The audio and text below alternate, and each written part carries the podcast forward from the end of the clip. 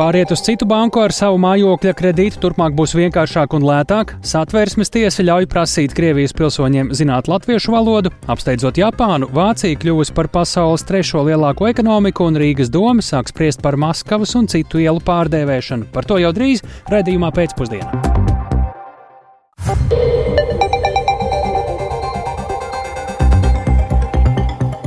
Pūkstens ir 16,5 minūtes, skan pēcpusdienas ziņu programma, skaidrojot šodien svarīgus notikumus. Studijā Tāls Eipurs. Labdien!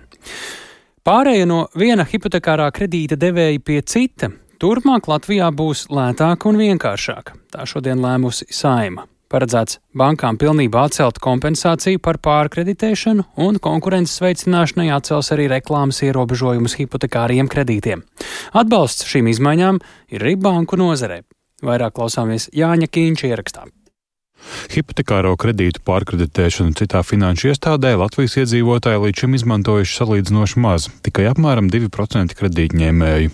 Citās Eiropas Savienības valstīs šis rādītājs ir no 13 līdz 35%. Iemesli zemēji interesē Latvijā par šo iespēju ir dažādi. Pārkreditēšana ir dārga. Atbilstoši ekonomikas ministrijas aprēķiniem, Latvijas iedzīvotājiem tā līdz šim izmaksājusi no 400 līdz 600 eiro. Pēc likuma izmaiņu spēkā stāšanās pārkreditēšanas maksas vairs nebūs. Paredzēts arī, ka maksa par jaunā kreditēšanas līguma noformēšanu nevarēs būt augstāka par 1% no jaunā hipotekārā kredīta summas. Šo pārmaiņu nolūks ir sekmēt banku konkurenci, kredītu nosacījumus padarīt patērētājiem izdevīgākus, tādējādi veicinot kreditēšanu, stāsta Saimas budžeta komisijas vadītāja vietā pētnieks Andris Šuvājevs no progresīvajiem. Process kļūs lētāks, viņš kļūs arī vieglāks, jo iedzīvotājiem būtībā būs iespēja šo visu procesu nokārtot attālināt, būs iespēja vienkārši izskatīt piedāvājumu, ko iespējams izsaka cita komercbanka, iespējams saņemt pretpiedāvājumu no savas esošās bankas un tad izvērtēt to, kurš piedāvājums ir izdevīgāks un labāks. Kā mums tika skaidrots arī komisijā, to var izdarīt pāris mēnešu laikā. Šīm likuma izmaiņām ir arī banku nozars atbalsts, ko Latvijas radio norādījis Finanšu nozars asociācijas padomnieks Edgars Pastars. Tas klientiem atvieglos administratīvos izdevumus, un arī bankām, protams, šo procesu standartizēs. Regulējums paredz arī to, ka klientam no bankas, no kuras viņš aiziet, nebūs jāmaksā nekāda komisijas maksa. Jaunies regulējums arī samazina arī administratīvās eh, darbības, kas jāveic bankai, no kuras klients aiziet. Tas ļaus arī bankai, no kuras klients aiziet, izsniegt labāku piedāvājumu. Kā rezultātā varbūt klients nekur neaizies, bet viņam būs mazāka procentu likme, ko būs piedāvājusi aizējošā banka, redzot jaunās bankas piedāvājumu. Pārēj no viena hipotekārā kredīta devēja pie cita maz izmanto arī tāpēc, ka likums neļauj reklamēt šo iespēju. Tāpēc ar likuma izmaiņām hipotekārās kreditēšanas jomā atcels reklāmas ierobežojumus. Plašāk Plašākas debatas saimā raisīja Latvija pirmajā vietā frakcijas deputāts Lindas Liepiņas ierosinājums atcelt visa veida kredītu reklāmas ierobežojumus. Turpinājumā viņas argumenti un Zaļo un Zemnieku savienības frakcijas vadītāja Harija Rokpēļņa atbilde. Parādiet man lūdzu, cik vidusmēra iedzīvotāji var iegādāties automašīnu bez līzinga pakalpojumu izmantošanas. Vidējais iedzīvotājs Latvijā nevar uzreiz nopirkt jaunu vietu tālruni, kas šodien faktiski ir pirmās nepieciešamības prece, un diez vai vidēji seniora rocība ļauj tam uzreiz iegādāties veļas mašīnu vai leduskapi. Ja mēs atbalstīsim Liepiņas kundzes priekšlikumu, tad arī ātrā kredītu reklāma sāks iet uz urā. Pēc šī likuma stāšanās spēkā ātrā kredītu pakalpojumu saņēmēju skaits Latvijā ir samazinājies te uz pusi, un visu šī likuma darbības laikā palicis nemainīgs.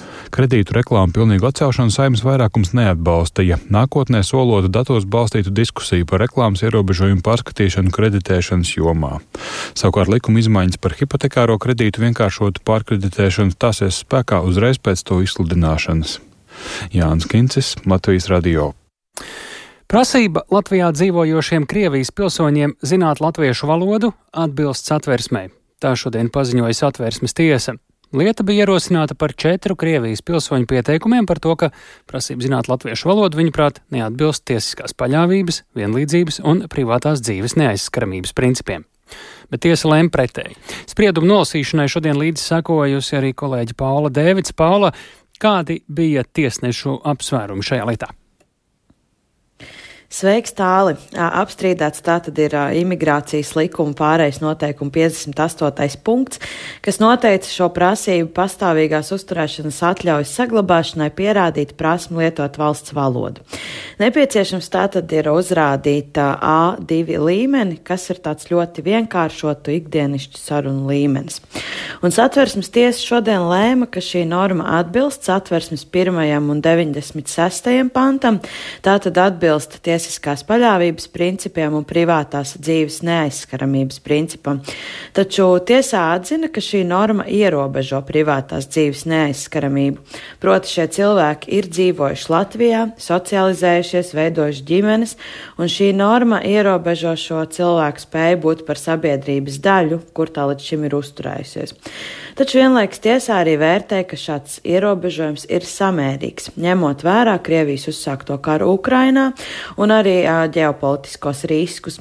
Tāpat tiesā atzina, ka ierobežojums ir vērsts uz demokrātiskas valsts iekārtas un valsts valodas sargāšanu, un lai nonāktu pie šiem secinājumiem, ir ņemts vērā piemēram arī tas, ka kā Krievija ilgstoši un mērķtiecīgi izvērš informatīvo kāru, izplatot maldus un propagandu, un lielākoties tas pamatā arī notiek Krievu valodā, un līdz ar to šādas latviešu valodas zināšanas šiem cilvēkiem dotu iespēju iegūt informāciju latviešu valodā un tādā veidā samazināt risku kļūt par propagandas upuriem, tā atzina tiesā.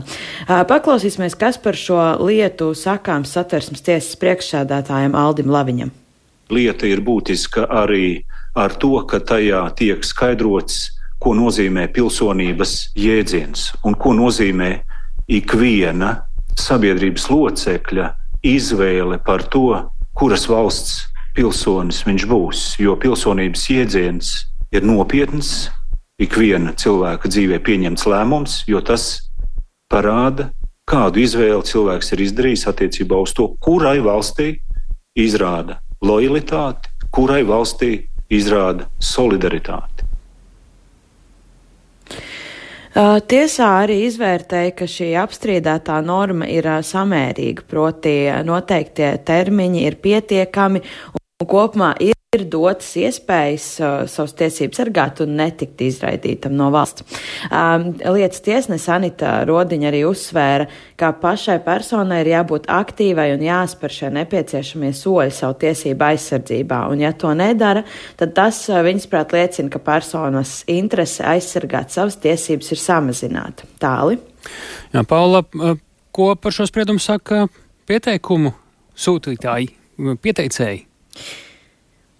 Jā, es sazinājos ar pieteicēju pārstāvi Elizabeti Krivcovu, kura starp citu ir arī saskaņas, partijas saskaņa biedra. Viņa skaidroja, ka ar iznākumu ir ļoti sarūktināta.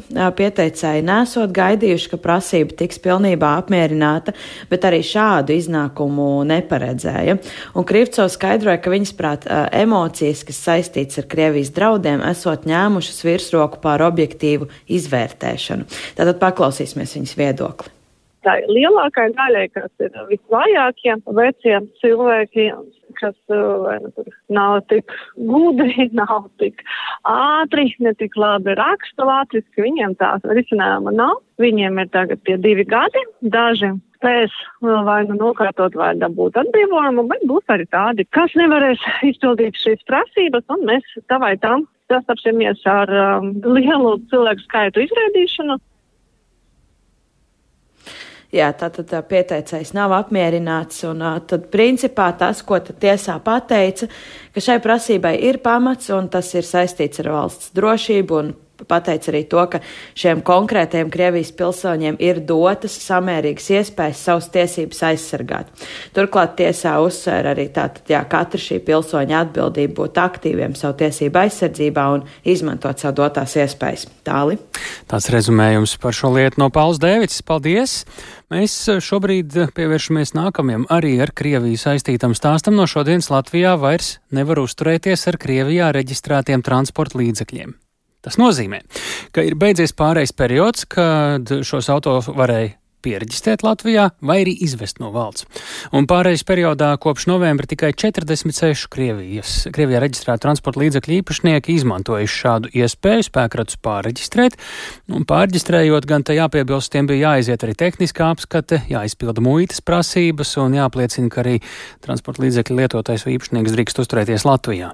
Te ir jāpiebilst, ka tas attiecas tikai uz Krievijas un ne uz Baltkrievijā reģistrētiem auto. Lūko redzījumā pusdiena šodien sacīja CSDD pārstāvis Mārtiņš Māmeisters.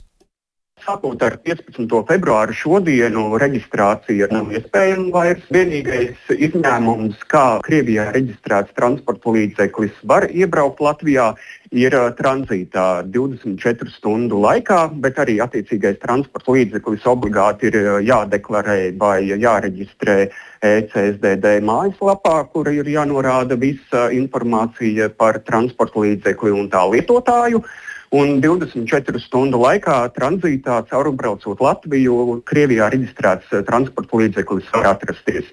Ja tiek manīti eh, transporta līdzekļi ar eh, Krievijas reģistrācijas numurzīmēm, tad, protams, tiesību sargājošajām iestādēm ir iespēja uzreiz pārliecināties, vai attiecīgais transporta līdzeklis ir deklarēts vai nav deklarēts lietošanai Latvijā uz 24 stundām un tad attiecīgi pieņemt lēmumu par transporta līdzekļa konfiskāciju vai atļauju turpināt ceļu tranzītā caur Latviju. Ja arī paskatāmies pārkāpumu skaitu, kas ir fiksēta ar stacionāriem fotoradariem, Krievijas fiksēto pārkāpumu skaits no pagājušā gada vasaras ir krietni samazinājies.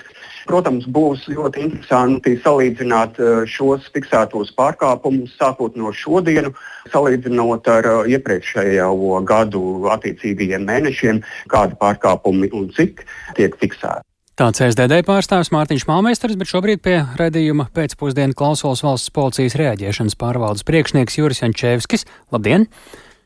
Labdien! Kas līdz ar šo datumu mainās policijas darbā attiecībā uz transporta līdzekļiem, kuri ir reģistrēti Krievijā un ir tiek pamanīti uz ceļiem šeit Latvijā? Jā, nu, sākot ar šodienu, mēs darbu tur, turpinām ikdienas režīmā. Protams, esam arī izstrādājuši savus rīcības algoritmus gadījumā, ja šādi transporta līdzekļi tiks pamanīti un tiks konstatēti piedaloties ceļu satiksmē. Un gadījumā, ja šādi gadījumi būs, tad atbilstoši policija rīkosies spēkā esošajai likumdošanai. Pieļaujot, ka kādā citā Eiropas Savienības valstī dzīvojošs ar Krievijā reģistrētu transporta līdzekli tomēr iebrauc Latvijā, varbūt nezinot par šiem noteikumiem vai izliekoties, ka nezina un saka, ka tikai, piemēram, pirms dažām stundām iebraucis, un ja viņš nav šajā CSDD pieminētajā reģistrā, kas ar viņu un viņa auto notiek? Uh, šobrīd likumdevējs ir skaidri noteicis, tātad, tātad uh, no 15. datuma piedalīties ceļu satiksmē Krievijas federācijā reģistrēta transporta līdzekļu ir aizliegts. Par to ir paredzēta administratīva atbildība, par ko ir paredzēts naudas sots no 750 līdz pat 2000 eiro apmērā, kā arī papildus transporta līdzeklis tiek izņemts un ir pakļauts konfiskācijai. Tad konfiskācija šādā gadījumā ir faktiski simtprocentīga. Tur nav kaut kāda diskusija.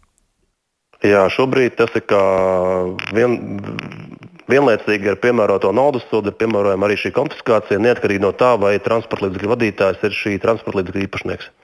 Vai došanās tranzītā nozīmē došanos no un uz Krieviju, šķērsojot Latvijas-Krievijas robežu, vai arī tad, ja šāds auto iebrauc no Lietuvas un tālāk dodas uz Igauniju, piemēram? Tranzītā tātad, tas nozīmē, ka šim, šim transporta līdzeklim šķērsojot Latvijas teritoriju tranzītā, neatkarīgi kurā virzienā viņš dodas, tātad viņam ir jābūt šai deklarācijai jau pirms iebraukšanas Latvijā, jāveic šī deklarācija CSDD pakalpojumos, un tikai tad viņš var turpināt ceļu cauri šķērsojot mūsu valsti. Kādi ir tie veidi un ceļi, kā policija varēs, ja teikt, izķert šādus spēkratus, ja tādi parādītos, cik ātri tiek saņemti tie paši fotoradaru dati, kur ir iespējams pamanīt eh, šādus transporta līdzekļus, cik ātri ir iespējams rēģēt uz iedzīvotāju ziņoto, ka šāda mašīna novērot kaut kur Latvijā? Nu, jebkurā gadījumā šie transporta līdzekļi, kas nonāks policijas redzeslokā, un ja mūsu informatīvā sistēma parādīs, ka šis transporta līdzeklis nav deklarējies, būs pamats šo transporta līdzekli ap, apturēt un tālāk veikt visas tālākās eh, darbības, kas saistītas ar šo sodīšanas procedūru. Gadījumā, ja šī informācija tiks saņemta no sabiedrības, tad eh, noteikti viņa sākotnēji tiks pārbaudīta un tālāk jau tiks nodota tuvākajiem policijas norīkojumiem, kas atbilstoši rēģēs tad teorētiski ir iespējams, ja neviens iedzīvotājs neziņo un šis eh, transporta līdzeklis arī nepārkāpj nekādus ātruma ierobežojumus un netrāpās uz policijas kādu patruļu, viņam izbraukt cauri Latvijai nepamanītam. Tādi gadījumi var būt, jā, kad viņš izbrauc varbūt tiešām netrāpoties ne uz vienu policijas norīkojumu. Tādi gadījumi, tādus mēs neizslēdzam, ka tādi gadījumi var būt. Tas Bet, droši vien ir tad, ja vērā... tas notiek Eiropas Savienības iekšējā teritorijā. Ja tas šķērso Latvijas, Krievijas vai Latvijas, Baltkrievijas, jeb Eiropas Savienības ārējo robežu, tad tas transporta līdzeklis gribi negrib ir pamanīts. Tā? Uh, jā, bet uh, var minēt to, ka mēs arī iepriekšējo nedēļu strādājām tādā ar prevencijas nolūkā darbā ar šiem transporta līdzekļiem. Var teikt, ka nedēļas laikā tika konstatēti tikai septiņi gadījumi, kad šādi transporta līdzekļi pārvietojās pa mūsu ceļiem. Divos, no gadījumu, divos gadījumos eh, šie vadītāji paskaidroja, ka ir jau ceļā uz savu mītnes zemi, un pārējos gadījumos visi vadītāji paskaidroja, ka viņi ir informēti par šo kārtību, kas stāsies spēkā šodienu, un arī vienlaicīgi paskaidroja, ka līdz šim datumam viņi atstās eh, Latvijas Republikas teritorijā. Nu, redzam arī cilvēkus jautājumu, vai policija mm, ir kādi novērojumi, ka Krievijas automašīnas tagad būtu pārģistrētas piemēram, uz Baltkrieviju un uh, tā braukā pa Latviju, jo Baltkrievijas numuru zīmes nav liektas šo, no 15. februāra no šodienas. Mums nav informācijas par šo transporta līdzekļu skaitu, kā arī nav informācijas, vai šie transporta līdzekļi iepriekš ir bijuši reģistrēti Krievijā. Tā kā šobrīd šādas te, uh, precīzi dati nav mūsu rīcībā. Vai ir runāts vai dzirdēts par to uh, oficiālāk vai neoficiālāk spriests, uh, ka uz robežas uh, uzlikt numuru atpazīšanas ierīci, līdzīgi kā numurus atpazīst gan fotoradari, gan mēs zinām dažādu iestāžu lielveikalu stāvvietās ir numuru atpazīšanas zīmes, lai šo varētu precīzāk kontrolēt kaut vai robežu šķērsošanas punktos. Jebkurā gadījumā pierobežā un uz robežas strādā arī mūsu kolēģi robežsargi, kuri šo risku informāciju pēc apturēšanas var nodot valsts policijai. Un, tā skaitā arī mūsu rīcībā šobrīd šī esošā sistēma jau tiks nodrošināta līdz pat apturēšanai. Tātad sistēmas eh, nolasīs šo informāciju, eh, ņemot vērā transporta līdzekļu numurzīmes datus, un tad pados šo informāciju policijas norīkojumam, vai viņš ir deklarējies vai nav. Tā kā jebkurā gadījumā šie te, uh, rīki ir palaisti darbībā. Šodien neviens auto šāds nav apturēts. Līdz šim brīdim neviens gadījums nav bijis, un nav arī konstatēts, ka šāds transporta līdzeklis būtu piedalījies satiksmē, un pagaidām policijas redzeslokā nav nonācis neviens. Kā iedzīvotājiem pavisam īsi reaģēt, ja viņi ierauga auto ar šādu numuru zīmi? Es saprotu, jāziņo policijai, bet tur var būt arī gadījumi, kad tas auto šīs 24 stundas legāli atrodas Latvijā, vai ne? Jā, iedzīvotāji var ziņot pa vienoto tālruni. Tātad policijas darbinieki pārbaudīs, vai šis transporta līdzeklis ir deklarējies. Nu, atbilstoši, ja viņš arī nebūs deklarējies, tad šī informācija tiks nodota tālāk jau policijas norīkojumiem. Paldies! Sakām Jurim Jančevskim, valsts policijas reaģēšanas pārvaldes priekšniekam, un nu par vēl citu agresoru valsts liecību publiskajā telpā aizvākšanu. Jautājumu par Maskavas ielas un citu ielu pārdēvēšanu šodien sāk skatīt Rīgas dome. Temats ir aktuāls kopš Krievijas iebrukuma Ukrainā, kad daļa sabiedrības vaicā, cik ilgi Rīgā vēl būs jāsadzīvo ar Maskavas ielu, kas daudziem raisa tieši asociācijas ar agresoru valsti. Ieceri virza Nacionālās apvienības politiķi, un dienas kārtībā ir ne tikai Maskavas, bet arī vairāku citu ielu pārdēvēšana. Plašāk stāsta Sandra Dieziņa. Diskusijas par Rīgas ielu pārdēvēšanu aizsākās jau aizpērn. 2022. gadā biedrība Publiskās atmiņas centrs, kurā apvienojusies daļa bijušo valsts drošības komitejas dokumentu izpētes komisijas pētnieku, bija apkopojis gandrīz 80 Latvijas ielu nosaukumus, kuri mantoti no padomu laikiem un tāpēc būtu maināmi. Ielu nosaukumu tā saucamā melnā saraksta augšgalā ierandojusies Rīga ar 16 ielām, kam seko Daugopils un Jūrmala. Jau 2022. gada nogalē Rīgas doma vienojās mainīt četru ielu nosaukums, un tagad pienākus kārta Maskavas un citām ielām. Ko par ieceru saka Rīgā sastaptie iedzīvotāji? Latvijas iela, ok, man nav problēmas ar to. Es dzīvoju Rīgā visu savu dzīvi, man 18 gadi, un es ļoti labi zinu Maskavas ielu. Man liekas, ka to nedrīkst darīt, jo tā ir jau vēsture. Vajadzētu jau pieturēties pie vēsturiskajiem nosaukumiem. Mums jau liekas, Puškins liels dzēnieks, un tāds viņš droši vien arī ir. Kā viņš ir pārmetis Polijai, ka Polija nespēja novērtēt Krievijas ieguldījumu, cariskās Krievijas. Krievu māksliniekiem ir arī tā tādi, kas ļoti bargi tiesā savu tautu, bet ir arī tādi, kas attaisno. Nu, es atbalstu, ka Maskavas iela tiek pārdēvēta citā nosaukumā. Es domāju, lai tās ielas paliek tādas, kā ir. Tas nekas, neko baigi nenozīmē, ka tā kā ar. Nu, jādara viss, ko mēs varam izdarīt. Nu, ar to puškinu ir tā, ka es nezinu, vai viņš ir vainīgs pie tā, kas patreiz notiek. Lielāko daļu Maskavas ielas plānots pārdēvēt par Latgales ielu kas savulaik uz dažiem gadiem jau bija šīs ielas nosaukums. Ņemot vērā, ka Rīgā jau ir Latgales iela, tad arī šai ielai esot nepieciešams jauns, ar Latgali saistīts nosaukums. Rīgas domas priekšsēdētāja vietnieks Edvards Ratnieks no Nacionālās apvienības piedāvā Latgales ielu pārsaukt rakstnieka un dzēnieka Jāņa Klīdzēja vārdā. Savukārt nelielo Maskavas ielas sākuma posmu no 13. janvāra ielas līdz salu tiltam ierosināts pārdēvēt par Lastādijas ielu stāsta Edvards Ratnieks. Šāda agresoru valsts galvaspilsētas slavināšana mūsu vietvārdu nosaukumos nu, nebūtu pieņemama. Un ir nepieciešamība nomainīt astoņu ielu nosaukumus. Mums ir gan Latgales saima atsūtījusi savu vēstuli, mēs esam saņēmuši valsts valodas centra atzinumu. Atbalsts arī saņemts no apkaimbiedrībām, tādām kā no Rumbulas, no dārziņiem.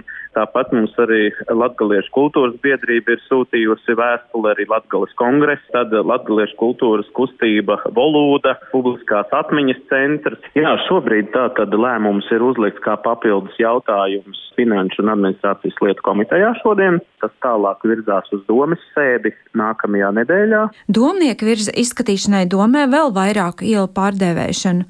Puškina iela varētu pārsaukt par valodnieka Kārļa Mīlenbacha ielu, Turgeņeva iela par glaznotāju Vilhelma Purvīša ielu, Lermontova iela par dzēnieka Viļa Plūdoņa ielu, bet Gogoļa ielu varētu pārdēvēt latviešu žurnālists un izdevējs Emīlijas Benjamiņas vārdā. Sandra Dieziņa, Latvijas radio. Tikmēr arī Krievijas eh, darbības sekas nopietnas bažas radījušas ASV. Vai Krievija gatavojas izvietot kodolieročus kosmosā? Šāds jautājums izskanējis pēc tam, kad ASV pārstāvju palātas izlūkošanas komitejas priekšsērētājs republikānis Maiks Tērners paziņojis, ka informējis kongresu par nopietnu apdraudējumu ASV nacionālajai drošībai. Tērners arī aicinājis ASV prezidentu atslepenot visu informāciju, kas attiecas uz šiem draudiem. Amerikāņu mediju vēsta, ka apdraudējums ir saistīts tieši ar Krieviju un iespējamo kodolieroču izvietošanu kosmosā. Baltijā namā tikmēr pauž izbrīnu, kāpēc izlūkošanas komitejas priekšsādātājs šādas ziņas ir publiskojis, tā radot bažas sabiedrībā. ASV Demokrātu partijā jau aicina izvērtēt Tērnera atbildību par šādu rīcību. Turpina Rustams Šukurovs.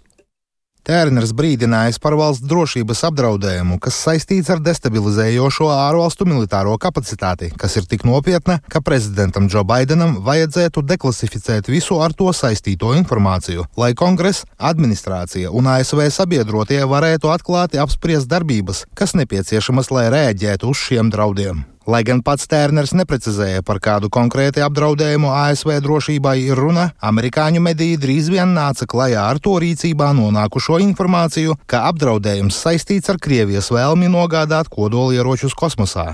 Saskaņā ar telekanāla ABC News avotu teikto, runa nav par šāda veida ieroču izmantošanu pret mērķiem uz Zemes, bet gan drīzāk par to iespējamo izmantošanu pret citu valstu satelītiem. ASV Nacionālās drošības padomnieks Džeiks Salivans, paužot izbrīnu par Tērnera publisko paziņojumu, nesniedza sīkāku informāciju par iespējamo apdraudējumu valsts drošībai. Viņš gan sniedza komentāru par informācijas atslepenošanas jautājumu. This administration has gone further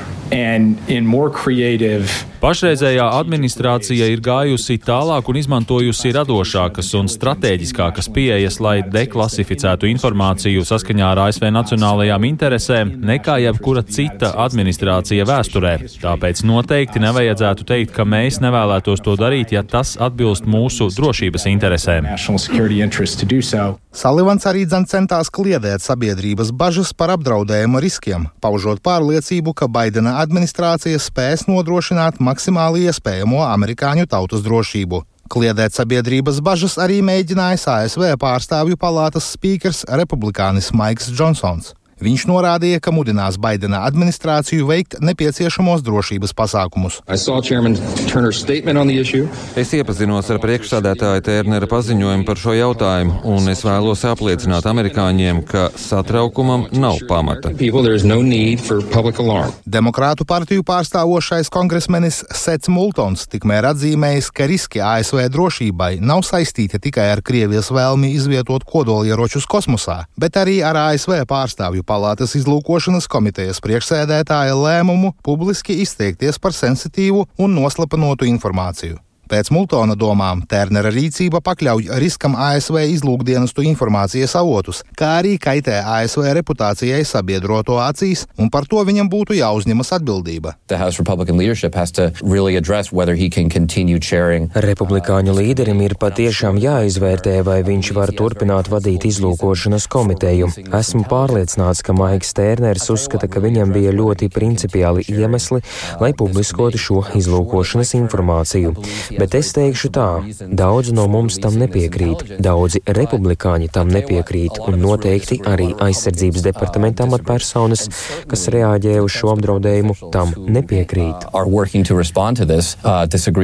ASV laikraksts The New York Times, atsaucoties uz avotiem Vašingtonā, vēsta, ka Krievijas spējas izvietot kodolieročus kosmosā joprojām ir izstrādes stadijā. Līdz ar to par tiešajiem draudiem ASV, Ukrainai vai ASV sabiedrotajiem Eiropā runāt ir pāragri, norādīja laikraksta avoti Rustams Šukurovs, Latvijas radio. Japāna vairs nav pasaules trešā lielākā ekonomika, jo to ir apsteigusi Vācija. Japānas tautsēmniecība pagājušā gada nogalē piedzīvoja negaidītu lejupslīdi nacionālās valūtas jēnas vērtības vājināšanās un zemā iekšējā patēriņa dēļ. Daudzi Japānas iedzīvotāji jūt ekonomiskas problēmas, tādēļ cenšas savus tēriņus mazināt. Vairāk Ulu ķēzbera sižetā. Japānas valdība šodien paziņoja, ka pagājušajā gadā Japānas nominālais iekšzemes koprodukts bija 4,2 triljoni dolāru, savukārt Vācijas nominālais iekšzemes koprodukts - 4,5 triljoni dolāru. Ņemot vērā šo rādītāju, Vācija ir apsteigusi Japānu un kļuvusi par trešo lielāko ekonomiku pasaulē aiz ASV un Ķīnas. Laikā no oktobra līdz decembrim Japānas iekšzemes koprodukts samazinājās par 0,4% salīdzinot ar šo pašu periodu gadu iepriekš, bet laikā no jūlija līdz septembrim kritums bija vēl lielāks - 2,9%. Japānas ekonomikas izaugsmes samazināšanās divus ceturkšņus pēc kārtas nozīmē, ka valstī ir iestājusies tehniskā recesija. Viens no galvenajiem Japānas ekonomikas lejupslīdes iemesliem ir nacionālās valūtas jēnas vērtības samazināšanās attiecībā pret ASV dolāru.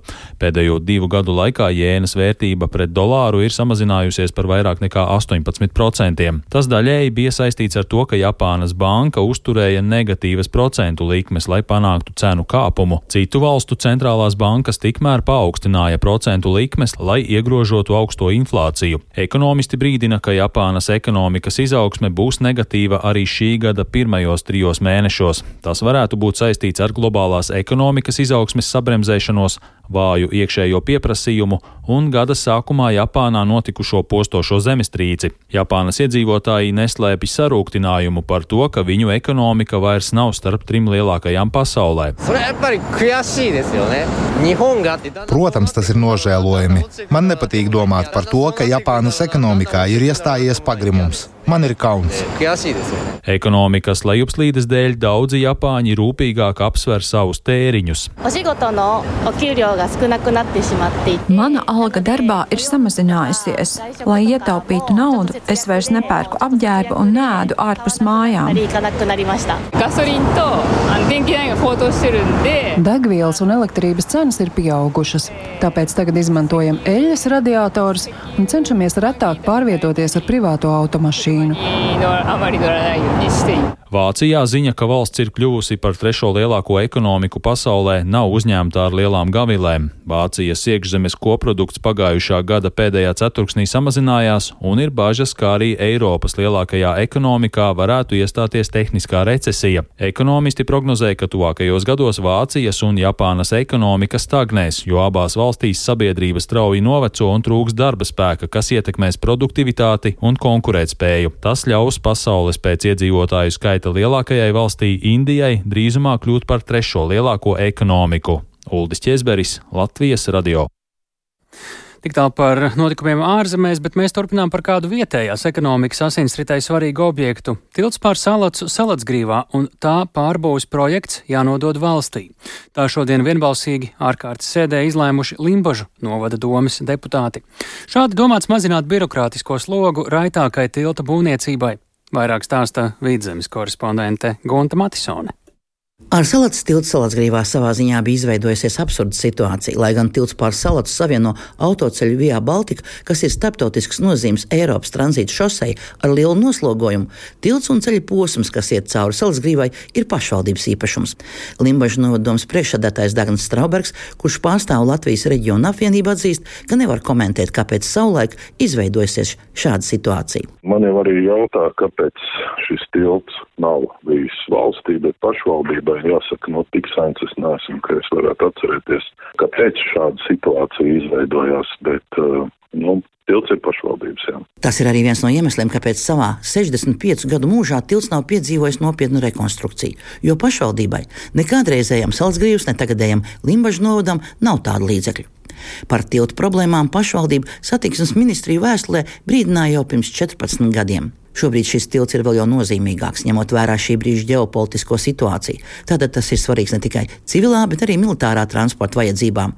Turpina Dagns Straubergs. Pašvaldība rakstīja projektu Sinjā kurā lūdz atbalstīt militārās mobilitātes programmā līdzfinansējumu tiltu būvniecībai, un esam saņēmuši pozitīvu atzinumu, ka mums ir piešķirt 7,5 miljonu pašvaldībai. Šodienas lēmumu tiltu un pārbūves projektu nodot valstī, konkrēti satiksmes ministrijai, Dagnis Straubergs pamato to, lai mazinātu birokrātisko slogu un līdz ar to arī pātrinātu tiltu būvniecību. Mēs pašvaldību nododam 7,5 miljonus jau tieši valstī, lai neradītu vienkārši papildus birokrātisko slogu, ka viens būvē, viens uzrauga, trešais saņem naudu.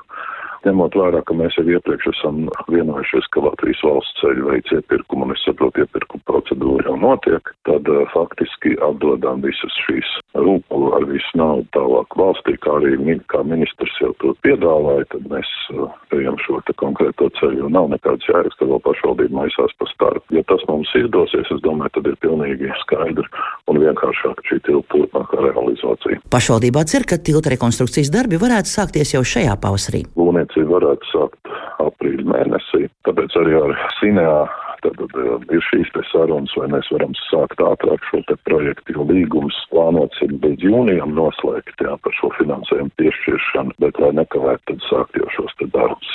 Kāpēc arī tas ir jāsāk ātrāk, jo mēs zinām, ka, nu, salats ups ir īpaši aizsargājums teritorijas, tur ir attiecīgi liegumi un jāizmanto katra iespēja, lai varētu arī būvniecību. Tas nav Būvdarba laikā satiksme netiks apstādināta, jo tiks uzstādīts pagaidu tilts. Satiksmes ministrs ir paudzis, ka tilts varētu būt gatavs 2025. gada nogalē. Gunta Matisona Latvijas Rādio vidzemē. Cerams, salācu drīzā nākotnē varēs šķērsot droši un gludi, bet ļoti bedrains ceļa posms ir piemeklējis Latvijas sporta finansēšanas sistēmu. Aug Latvijas Sporta Federācija neapmierinātība ar izglītības un zinātnes ministrijas darbu, jo sporta organizācijas joprojām nav saņēmušas valsts finansējumu šim gadam. Vairākas federācijas nav apmierinātas arī ar jaunajiem prioritāro sporta veidu kritērijiem, citas publiski lūdz tām ziedot naudu, lai sportisti vispār varētu pabeigt starptautisko sacensību ziemas sezonu. Par situāciju vairāk jau to daļu mums ir gatavs stāstīt kolēģis Mārtiņš Kļavinieks. Mārtiņ, ne pirmo reizi mēs par šo runājam, kurā stadijā šobrīd tas viss ir un kāpēc sporta federācijas tagad, februāra vidū, joprojām ir bez naudas šim gadam un kad to varētu saņemt. Sveiks, tālāk, sveicināt radio klausītāji. Jā, nu, tas iemesls, kādēļ mēs par to turpinām runāt, ir gluži vienkārši, jo tās naudas joprojām nav. Izglītības un zinātnes ministrija joprojām eh, vērtē, vētī, sver, mēra, un eh, jā, tā naudiņa gaidām, eh, kā viņi sola februāra beigās federācija kontā, bet nu, tas jau neatceļ ikdienas izdevumus, tas neatceļ sportistu došanās uz sacensībām, gatavošanos lielākiem mērķiem, trenēšanos. Līdz ar to, jā, nu, tāpēc par to joprojām šobrīd arī ir jārunā. Nu, un jā, nu, jāatgādina, ka Izglītības un zinātnes ministrija pati pārņēma no šī gada sākuma to naudas dalīšanu. Iepriekš to darīja Latvijas Olimpiskā komiteja, Latvijas Sporta federācija padome. Kopumā, saskaitot, cik cilvēku to darīja šajās abās organizācijās, daudz vairāk nekā Izglītības un zinātnes ministrijā. Astoņi cilvēki to darot ministrijā. Tieši tāpēc, acīm redzot, arī process rit lēnāk. Vakar Medijas sporta centrs kom ziņoja, ka izglītības un zinātnes ministrijai ir jāizdomas, ka daža no šīm sporta federācijām varētu būt iesniegusi nepatiesus datus, lai tā uzlabotu viņu situāciju šajā sporta veidu rangā. Vai ministrijai ir arī tiešām reāls pamats šādām aizdomām? Šodien uh, parunāju ar ministrijas uh, sporta departamenta vadītāju pienākumu izpildītāju Jūru Zīvartu. Uh, viņš sacīja, ka nē, tur ir gluži kaut kas varbūt pazudis tulkojumā, ja tā var sacīt, vai, vai kaut kas nav varbūt izprasts pareizi. Nē, viņi nepārmet nevienai federācijai, ka būtu kādi dati viltot vai neprecīzi iesniegt. Šobrīd viss ir saskaitīts, ievadīts sistēmā, bet tiek pārbaudīts vēlreiz federācijām aizsūtīts, vai tiešām ir tā, kā jūs mums iesniedzāt. Nu, dubult pārbauda tā sauktā, tas ir jāizņem to laiku. Jūras Zīvārds arī vairāk tūlīt pastāstīs, kas tad šobrīd notiek. Mēs šobrīd tādas aizdomas nenorādām, bet mēs vienkārši apzinām situāciju. Tad mēs esam savadījuši savā galā datus un tad nosūtījām arī visām federācijām, lai vēlreiz pārliecinās, vai viss ir pareizi saprasts. Process, izvērtēšanas process. Es negribētu teikt, ka mēs kaut kādā ziņā kādam neusticamies vai kāds ir nepareizs datus iesniedzis, ņemot vērā to datu apjomu. Citreiz var gadīties kaut kādas kļūdas, neprecizitātes. Vienkārši gribam tās izskaust, lai tādas nebūtu. Tie dati tiek, teiksim, tā skatīti skatīt, pārbaudīt attiecīgi federāciju mājaslapās, iet cauri. Un, ja tur kaut kādas ir neprecizitātes ir bijušas vai jautājumi ir bijuši, tad attiecīgi kolēģi ir sazinājušies. Jā, tālāk Juris Zīvārds no Izglītības un zinātnes ministrijas. Nu, tā tad uh, arī ministrija pati pauž, ka ir atvērta sarunām. Ja federācijām vēl būs kādi jautājumi, priekšlikumi, ierosinājumi, tad viņi arī ats, gatavi runāt par to un uh, risināt arī kādas konkrētas problēmas. Nu, jā, federācijām viena no šiem datiem ir, cik tad vispār piemēram, bērnu un jaunieši nodarbojas ar šo sporta veidu, un no jā. tā atkarīgs ir valsts finansējums. Primārs, starp citu, šobrīd. Jā, jā. Tieši tā, viens no lielajiem kritērijiem. Bet eh, nu, mēs redzam, piemēram, šajā visā situācijā Latvijas Biatlona federācija reāli ir lūgusi sabiedrību ziedot naudu, lai labākie sportisti, kur ļoti labi šobrīd pasaules čempionātā mums startē, varētu pabeigt šo pasaules kausa posmu uh, Ziemeļamerikā. Kāpēc šāds uh, reti dzirdēts solis un kāda ir sabiedrības atsaucība? Sazinājos arī Latvij, ar Latvijas Biatlona federāciju, ar ģenerālsekretāru Juri Pīpkalēju. Un, nu, tas valdes sēdē pirmkārt ir nolēmts. Nav kāds um, federācijas vadības indivīds to vienkārši izdomājis tā, ka mēs tā darām, bet tas ir iekšēji organizācijā nolēmts, ka tāda ir tā stratēģija. Viņi bija jau rēķinājuši, nu, skaidrs, ka bija rēķinājušies, ka tā nav, tās naudas visticamāk šī gada sākumā vēl nebūs, bet ka tas kopējais apjoms būs konkrēts un tik un tā viņiem būs par maz, lai uz šiem pēdējiem pasaules kausa posmiem aizlidotu, atlidotu varētu nogādāt sportistus un arī visu servisu personālu, jo viņi grib arī, lai tiem sportistiem slēpjas labi slīd, nevis viņi tur būtu pēdējās vietās mm, Amerikas un Kanādas sniegos. Līdz ar to tāpēc arī tās naudas trūks, tāpēc ir uzrunāti uzņēmēji, atbalstītāji. Lūk, ko Juris Pīpkalais saka, kāpēc tā darīts un vai jau ir kāds ziedojums saņemts pēdējie divi pasaules kausa posmi ir ļoti dārgi. Paši pasaules kausa posmi apmēram izmaksā, ja runā par dzīvošanas izmaksām, tāpat kā visi pārējie, izņemot pasaules čempionātu. Bet avio biļetēs vien ir 35,000 eiro vajadzīgs, lai aizlidotu un atlidotu, un plus vēl iekšējais pārlidojums no Saltlake Citys uz Kanmoru vai Kanādā. Jā. Atsaucība mums ir tagad šajās trijās dienās, mums ir apmēram 4,7 tūkstoši saziedoti jau, jā, 60 tūkstoši, un mums ir laiks vēl līdz 4. 4. martam. Komanda brauks uz Ameriku. Vienkārši mēs meklējam palīdzību Vietlām faniem, lai mēs, kā lai saka, lai mēs veiksmīgi aizbrauktu un atgrieztos. Vēl gribēju federācijas vārdā pateikt arī lielo paldies visiem, kas šobrīd jau ir atsaukušies, un mēs tiešām ļoti augstu novērtējam Jā, tālāk Jūras Pīpkalējs, Latvijas Biatlona federācijas ģenerālsekretārs, nu tā tad nedaudz mazāk nekā 5000 no vajadzīgiem 60 ir saziedot, 12 daļa, bet līdz martam vēl ir laiks. Nu, ko, atgriežoties vēl pie iepriekšējā šī finansējuma sadalījuma un taisnīguma, šogad ir mainījušies tie kritēriji, kā tad un kam un cik valsts nauda dod, un daļa sporta federācija ar tiem nav apmierināts. Kuras tas ir un kāpēc? Tās, kurām mazāk naudas un kuras tajā iepriekšējā, varbūt provizoriskajā, bet arī reālajā rangā ir nokritušās. Pirmkārt, jau Latvijas Hokeja federācija, atceramies bronzas medaļas pasaules čempionātā pagājušajā gadā, šogad jaunatnes olimpiādas, um, zelts 3x3 hokejā 16 gadniekiem. Desmitā vieta no 15 prioritāriem sporta veidiem ir hokejam, un orientēšanās arī ir tikai 9. zaudēs aptuveni 22 tūkstoši no finansējuma pret pagājušo gadu.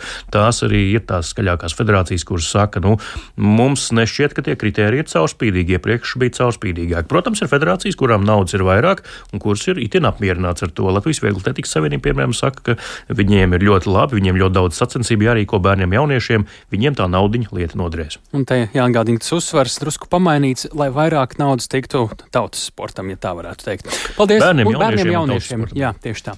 Paldies Mārtiņam Kļaviniekam, paldies arī jums klausītāji, ka bijāt kopā ar mums raidījumā pēcpusdienā. Palieciet kopā ar Latvijas radio viens bet raidījuma pēcpusdienā veidojām mēs Tālis Eipurs, Lauris Zvēnieks, arī Renārs Šteimans un Ernests Valds Fjodorovs. Šo raidījumu klausieties arī Latvijas radio mobilajā lietotnē, meklējot dienas ziņas, sev vērtā laikā varat klausīties. Līdz rītam!